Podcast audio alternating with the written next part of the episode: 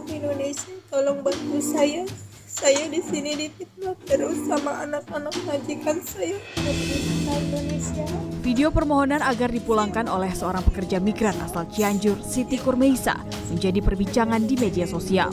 Dalam video yang diunggah kanal YouTube Voice Indonesia, Siti meminta pulang lantaran ia merasa sering difitnah oleh keluarga majikannya di Arab Saudi. Tim Siber Bareskrim Polri langsung melacak keberadaan Siti. Usai video itu diunggah ulang oleh Menko Polhukam Mahfud MD dalam akun Twitter pribadinya. Dalam cuitannya, Mahfud meminta Polri dan Kementerian Ketenagakerjaan mencari cara untuk mengembalikan Siti ke tanah air. Dari hasil penelusuran, Siti Kurmeisa berada di rumah majikannya di kota Jubail, Provinsi Daman, Arab Saudi. Penyelidikan sementara, polisi memastikan Siti bekerja ke Arab Saudi melalui jalur legal sebagai pekerja migran Indonesia. Lalu dari kerjasama dengan uh, KBRI di Riyadh dan atas kepolisian dan sudah diamankan. Sebentar lagi akan pulang.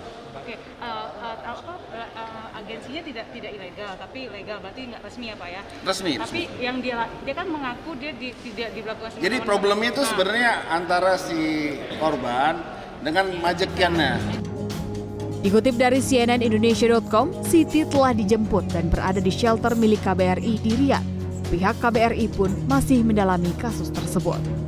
Tim Liputan CNN Indonesia.